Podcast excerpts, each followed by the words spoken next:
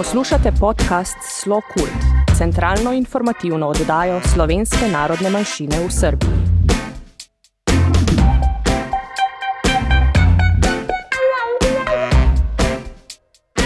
Dragi poslušalci, dober dan.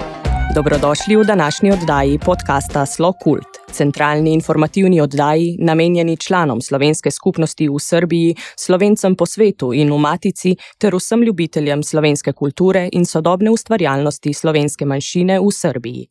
V oddajah obravnavamo aktualne teme iz Srbije in Slovenije, napovedujemo pomembne kulturne dogodke in se z gosti pogovarjamo o vsem, kar povezuje slovence v Srbiji, domovini in po svetu. Najprej vam bomo posredovali aktualne informacije, ki jih za nas vselej ljubeznivo priskrbi gospod Primoš Križaj, konzul pri veleposlaništvu Republike Slovenije v Beogradu. V posebno veselje nam je, da gospoda Križaja danes lahko gostimo tukaj med nami. Najin pogovor pa boste lahko slišali po kulturnih novičkah v rubriki Intervju. Pomembne aktualne novice. Veleposlaništvo opravlja konzularna opravila za slovenske državljane, vendar le po predhodno dogovorjenih terminih. Ukolikor želite urediti postopke, pri katerih vam lahko pomaga konzulat, posredujte vaše zaprosilo na elektronski naslov consular.belgrade.afna.gov.si. V njem pojasnite, kaj želite urediti, in veleposlaništvo vam bo v čim krajšem možnem času posredovalo termin. Vse informacije se redno objavlja tudi na spletni strani veleposlaništva. Za vstop v Republiko Slovenijo za osebe, ki prihajajo iz Republike Srbije v času pandemije virusa COVID-19, veljajo naslednji pogoji. Srbija je trenutno na zelenem seznamu epidemiološke slike COVID-19. Oseba, ki prihaja z območja na zelenem seznamu, lahko vstopi v Slovenijo brez napotitve v karanteno na domu. Ob tem pa mora predložiti dokazilo, da je pred trenutkom vstopa najmanj pet dni neprekinjeno prebivala na območju, ki se nahaja na zelenem seznamu. Oseba, ki je izven meja bivala manj kot pet dni, mora predložiti potrdilo za to časovno obdobje. To pomeni, da osebi, ki zapusti Slovenijo in se vanjo vrne prej kot v petih dneh, po vrnitvi ni treba predložiti dokazila o neprekinjenem petdnevnem bivanju, ampak le potrdilo za obdobje, ko ni bila v Sloveniji.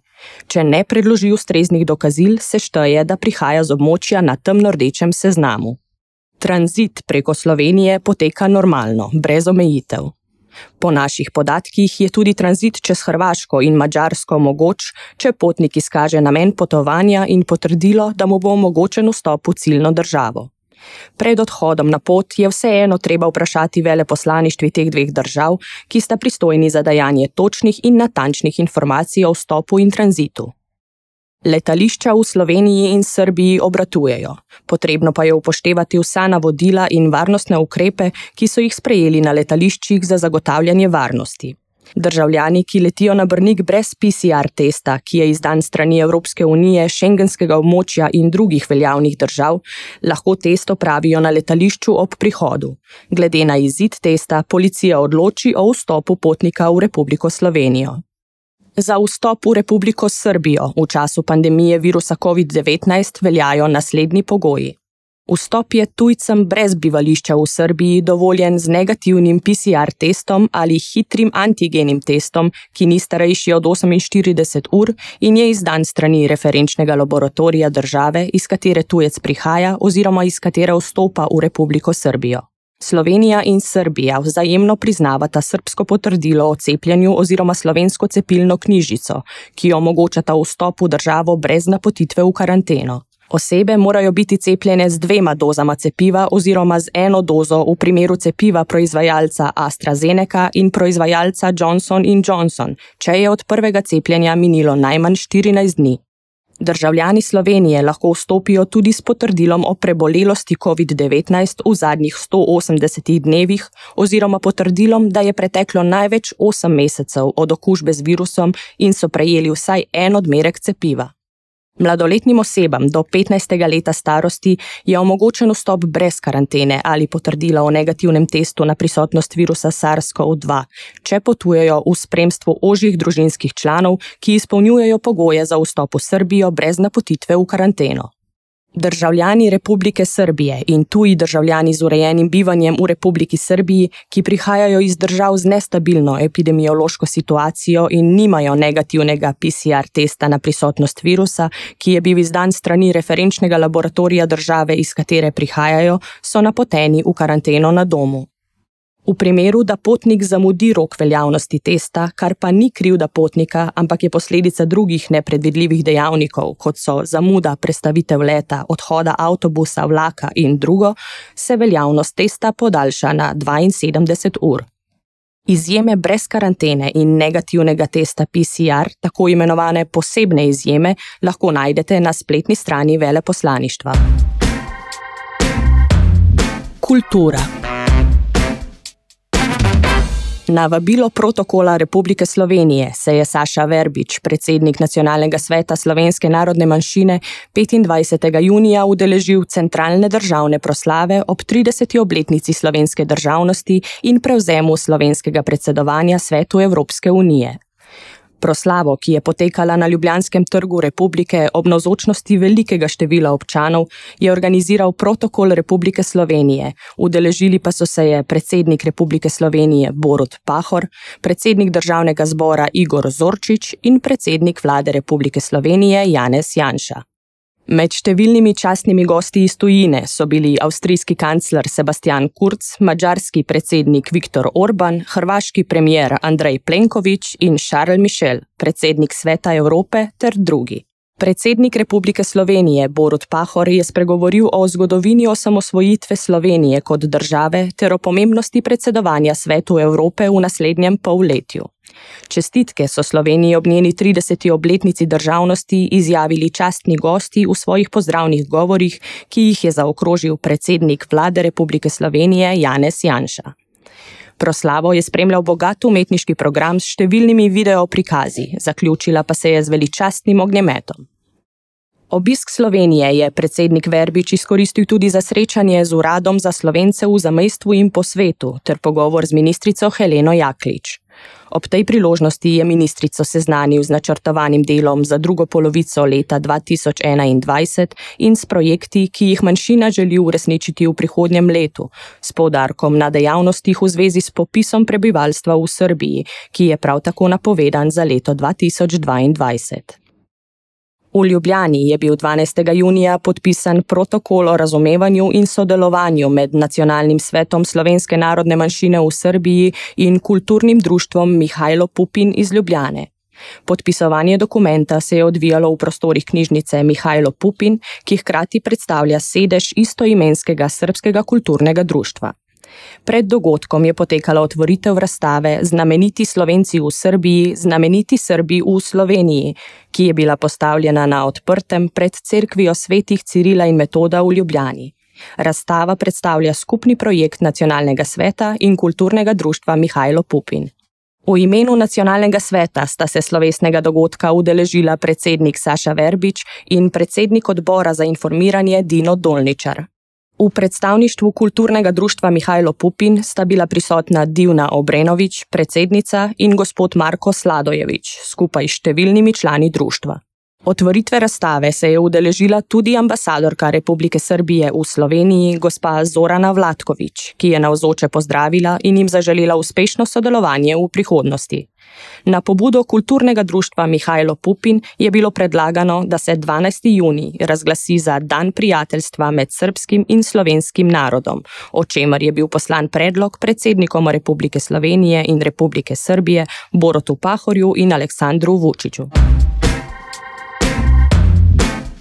Intervju. V veliko zadovoljstvo nam je, da je danes med nami človek, ki ga omenjamo v vsaki oddaji, saj za naše poslušalce vedno priskrbi sveže, aktualne in točne informacije o stanju na mejah in možnostih potovanj v Slovenijo ter nazaj. Danes je z nami gospod Primoš Križaj, konzul na veleposlaništvu Republike Slovenije v Beogradu. Dobr dan in dobrodošli. Dobr dan. Primoš, kako se prebijate skozi tole vročino? težko. Sem iz primorskega, ampak vse glih mi vročina me ubija. Da se bolj držimo noter na, na klimi, pa, so še kakšne težave z hrbtom, pol udari. Ampak se da, se da. Smo navajeni vseh po vseh teh državah pa se da. A nam lahko v samem začetku poveste, kako dolgo že opravljate delo konzula in kakšne dožnosti ter priložnosti ta funkcija obsega? Um, tako ne rečem, konzul sem zdaj že dva mandata, uradno dva mandata sem konzul, bil sem prej v Ukrajini, zdaj v Tule v Beogradu. Sem bil pa prej tudi začasni konzul, če tako rečem, v Varšavi, v Helsinkih, v Iranu, v Moskvi, tako, ampak to so bile bolj kadrovske pomoči. Kaj ne rečem, dožnosti so velike, odgovornosti so velike, priložnosti so pa tudi velike, ker vedno se nekaj dogaja, ker lahko kot če rečem tako, kot konzul ali kot konzularc, um, na koncu dneva lahko potegnem črto in vem, kaj sem naredil dobrega, kaj sem naredil slabega, komu sem pomagal, komu nisem mogel, komu nisem, da rečem tako, nalaž, ker me je vlekel za nos, kar se nam tudi to dogaja. No, da, delo je dinamično in zanimivo, predvsem zanimivo. Je. Kako pa bi recimo nekomu, ki te funkcije ne pozna, opisali, kaj konzul počne? Konzul se v prvi vrsti ukvarja s slovenskimi državljani po svetu, pač v državi, kjer um, dela, je prioriteta za pomoč slovenskim državljanom. To je tista ta glavna. Se pravi, od um, težav, ki, v katerih se znajdejo, od prometnih nesreč, od um, ukradenih dokumentov, do reševanja recimo, tudi slovencev, ki živijo v tej državi, kot v Srbiji, če se gremo bolj na nas, se omejimo na, na Srbijo, da se izdajo dokumenti, da se rešujejo matične zadeve in tako naprej. Torej, ne to samo je, tragične zadeve, tudi pozitivne. So pa tudi uh, tragične zadeve, kot so smrti in pri. Tem tudi dosti pomagamo. Tako da izdajamo potne liste, posmrtne potne liste, tako da lahko svojci dobijo, uh, rekel, pokojnika domov in ga lahko pol v miru pokopljen. V neki taki smislu, da okay, tudi del življenja. Ja. Uh, kako pa se je razvijala vaša pot, kaj ste študirali, oziroma ste se odnegdaj želeli um, zaiti v diplomatske vode, ali so bile mogoče ideje kdaj tudi drugačne? Ha, zanimiva pot je bila. Tako, sem, kot študent sem bil v Portorožu, se pravi na toplih krajih, če rečem slovenskih toplih krajih, na pomorstvu in prometu tam sem se naučil kartografije in rekel vse o, o prometu. Sem bolj v smeri letalskega prometa, tako da letalstvo je bolj moj, rekel, kot en koniček ali pa hobi. Rečem, letim tudi, ja. Mislim, ne letim jaz, kot da bi sam letel. Sem si želel, ampak nikoli si nisem pol časni dopuščal, da bi šel v izpite. To so drage stvari, takrat kot študent uh, si želiš. Sem pa delal na letališču v Portorožu kot študent, tako da sem spoznal pobliže vse to delovanje. Po, po, rečem, tam sem bil, eh, na fakulteti sem bil funkcionar v študentskem svetu univerze. Tudi, ne, takrat smo tudi ustanavljali Primorsko univerzo in uh, je bilo, moram reči, kar uspešni smo bili pri vsem tem. Pa sem pa šel, uh, sem zaključil uh, mandat, uh, mislim, mandat, zaključil sem šolo, In kot jaz pravim, vedno se, tudi ko sem imel uh, govor po podelitvi diplom kot predstavnik študentov, sem rekel, da življenje se začne tako, najprej si kot otrok, greš v osnovno šolo. Ko zaključiš osnovno šolo, ravno se v njih nekaj naučiš in začneš znova. Greš v srednjo šolo, spet nekaj znova. Se, nauči, se začneš učiti, spoznavaš nove ljudi, zrasteš, rasteš, prideš v četrti letnik spet padeš na začetek. Ne. Univerza je podobna situacija. In ravno tako je bilo tudi na, na univerzi. Ne. Tam se učiš, delaš, uh, se, v, rekel, se kreiraš, in potem pa je potrebno se zaposliti, pa si spet na začetku. Ne. Prej vsi obljubljajo, da ja, boš dobil službo, boš šel tja, boš tam dobil vse, pa ko je čas, pa se vsi poniknejo in ja. potem se moraš znajti sam. Ne. Tako mislim, da ta tema tudi našim poslušalcem zveni precej poznano. potem sem pa uh, šel delati v eno tovarno, tam sem drugače iz Dilerske bistrice, uh -huh. uh, tovarno Plamo in sem bil tam pomočnik uh, vodje obrata. Tako da rečem, ne, kot uh, v eni pač tovarni iz teh obratov. In, sem, in jaz sem rekel, sam sebi, rekel, tukaj pa ne bom se za 30 let zaprl, jaz sem bolj tak odprt človek, da rad potujem in gremo okrog. In uh, sem po treh mesecih pol dal odpoved in sem šel na, rekel, na zavod, in pa se je pojavila priložnost, da se zaposlim na ministrstvu. Ravno iz tega, ker sem bil iz Pomorske, uh, rekel, iz, prome, iz prometa. Ja. Sem se zaposlil na ministrstvu v sektorju za Hrvaško, kjer smo risali te incidente na morju, ki so se, ravno kar bilo aktualno v letu 2005, je bilo to. Takrat in pol smo to risali in uh, prova, poskušali rešiti in se dogovoriti. Ampak o tem ne bi dosti kaj več govoril, ker vemo, kakšna je situacija, da zadeva še vedno ni rešena in še ni. In se pač upajmo, da se bo kaj malo to rešilo. Ne.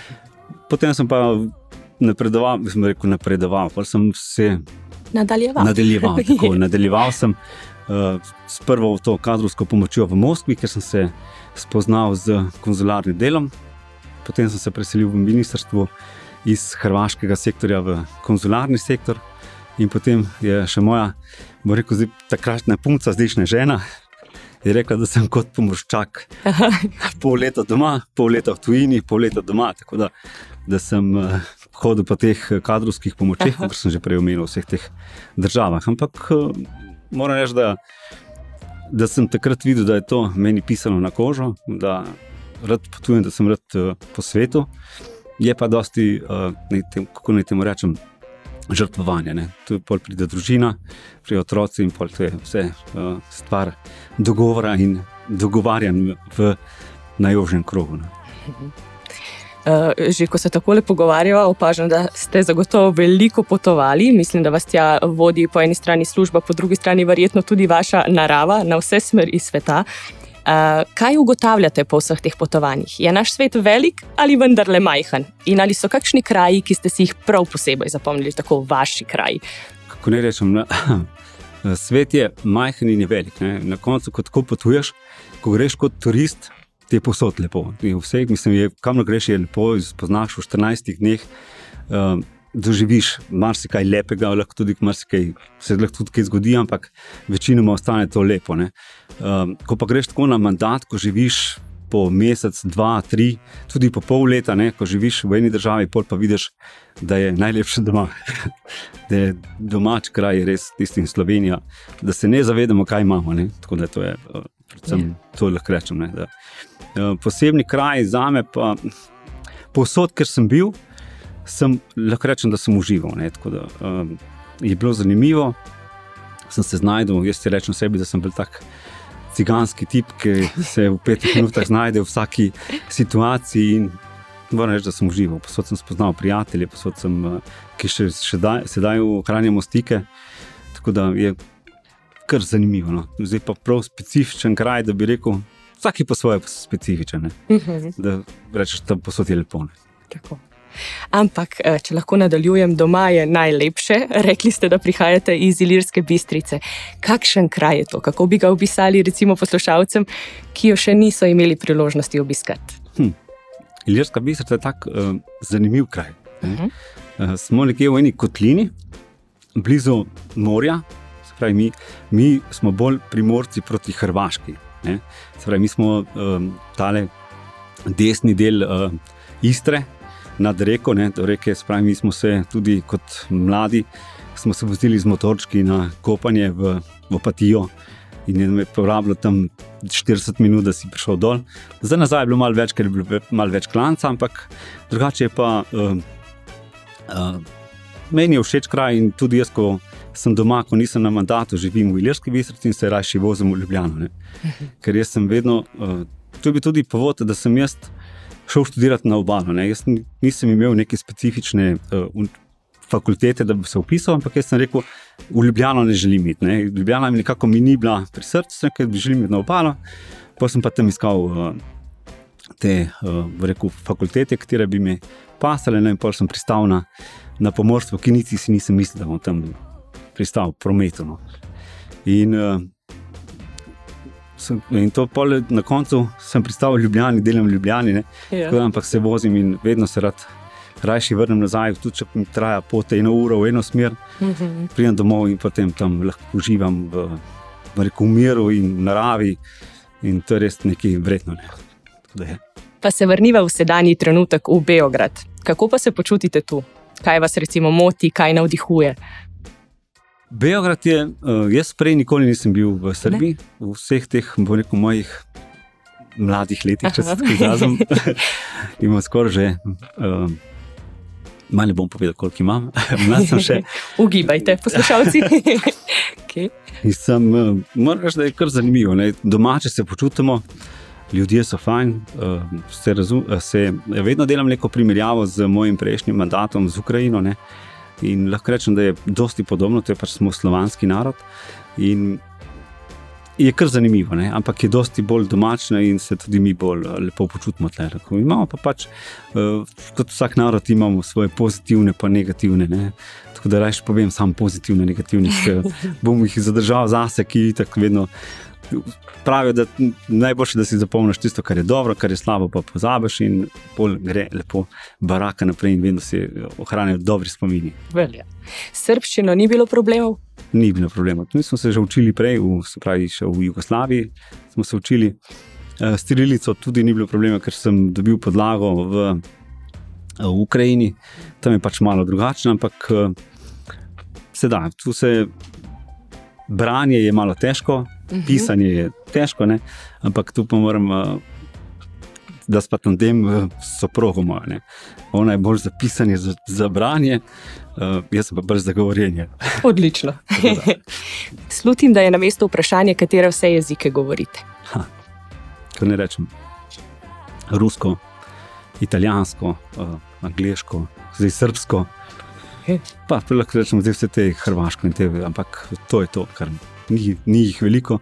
Ampak v vseh, v vseh teh um, državah, kjer sem bil, sem se nekako bil prisiljen, da se naučiš jezika in da preživiš. In lahko rečem, da za se sporazumovati sem se navadil, mislim, da vseh tudi Pol, Polsko, ampak zdaj ali pa je Farsi ne v, Iranu, ampak zdaj mislim, da znam samo še ne par besed, ki so tako zanimive. Ne kot rečejo, do you, do you speak uh, Greece in rečeš ti Giros. Tako da ti imaš za šam. Um, prejšnji teden je Slovenija praznovala Dan državnosti. Veleposlaništvo je v ta namen organiziralo veličastno praznovanje. Bi nam lahko prenesli vaše vtise, kako je bilo?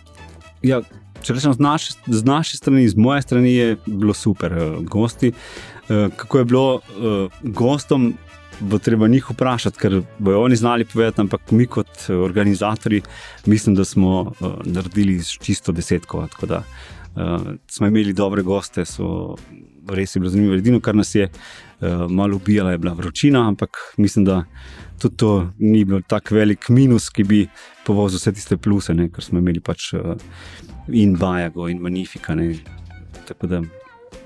Da smo veseli, da so se odzvali našemu vabilu. Ne tem, da z njimi tudi, tudi prijateljujem. Da, uh, da sem bil zadovoljen, da, so, da, da je Bajaga sploh sprejel v Bilo. No, ja, to je res lepa čast in ja. fini gosti.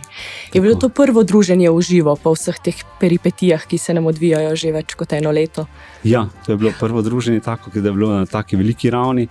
Uh, mislim, da smo s tem zavrali ledino in mislim, da bo zdaj veleposlaništvo tudi ostala začela z organizacijo in upamo, da se bo tudi tako ohranilo, kot je zdaj, da nas ta pandemija, da se ne bo več um, ponovila, pa da, bo, da bi vsaj. Da bi stopili korak nazaj, upam, da ne. No, ampak da, uh, upamo, da se bomo več družili, ker ljudje smo pa vsi uh, taki, da se radi družimo in da, da rabimo to. No, če smo samo na telefonih in na nekih um, medmrežjih, ni to tone. Hmm. Eh, torej radi potujete, radi se družite, s čim se še radi ukvarjate in kako napolnite prosti čas? Prosti čas je napolnjen z družino, uh -huh. da mhm. rečem tako. Um, drugače, rad, ne vem, kolesarim, rad, uh, tečem, špor, športom se ukvarjam, ampak zdaj niti ni časa za to. Imamo imamo hčero, uh, sina, dveletnega, hčera je deset let, tako da imamo z njimi vrglave uh, vseh aktivnosti in vsega. Je zapolnjen uh, prosti čas do konca. V duhu prostega časa, poletja in potovanj, bi želeli našim poslušalcem še kaj sporočiti. Najprej, recimo, z profesionalnega vidika, povezano s potovanji in delom veleposlaništva, zatem pa tudi čisto osebno, kot gost naše oddaje. Ja, kaj ne rečem. Ne, to, glede z profesionalnega dela, kot uh, konzul, ko gledam, kot uh, delaš in ljudje potujejo, jaz pravim vsakmu, da ne gre na potovanje z glavo, ne pa samo z denarnico, in, ampak da razmišlja in tudi poskrbi za svoje dokumente, predvsem za dokumente. Ne. Če gledamo mi tako. Iz našega vidika je največji problem izguba dokumentov, izguba denarja, ker si nekje v tuji državi, vemo, da ne pridi pravi čaka samo turiste, ki izgubijo glavo in uh, se prepustijo razne, raznim užitkom, pol pa uh, jih po teh užitkih največkrat glava boli. Uh, jaz bi največ tako vsem poslušalcem rekel, da uh, če že nekam potujejo, naj si. Osebne dokumente spravijo nekje na varno v hotelu, ne, ne hodijo okrog z kopijami potnega lista, če se jim zgodi neka, ne vem, policijska kontrola in da hoče imeti originale, bojo razumeli in vas bojo peljali v hotel in boste pokazali original. Ampak bolje je hoditi eh, okrog z neko kopijo potnega lista, lahko je tudi overjena, da je bolj sigurno in mislim, da bo manj težav in bo manj dela za nas. Ne?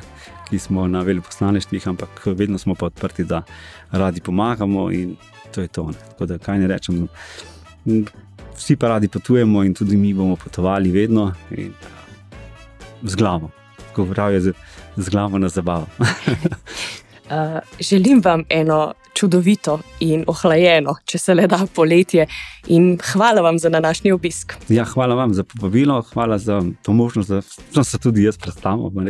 Ampak uh, hvala vam. Uh, In na sodelovanje še naprej, kot sodelujemo, veliko čast mi je, da z vami sodelujem. Hvala lepa. Tudi nam.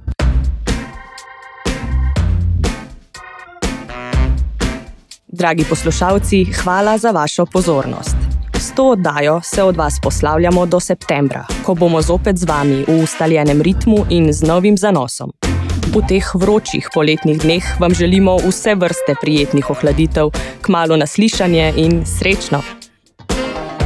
Iz studia sem bila z vami Tanja Tomazin, za tehnično izvedbo pa je tudi tokrat poskrbel naš mojster Dino Dolničar. Našo redakcijo dopolnjujeta Ivana Mandić in Saša Verbič.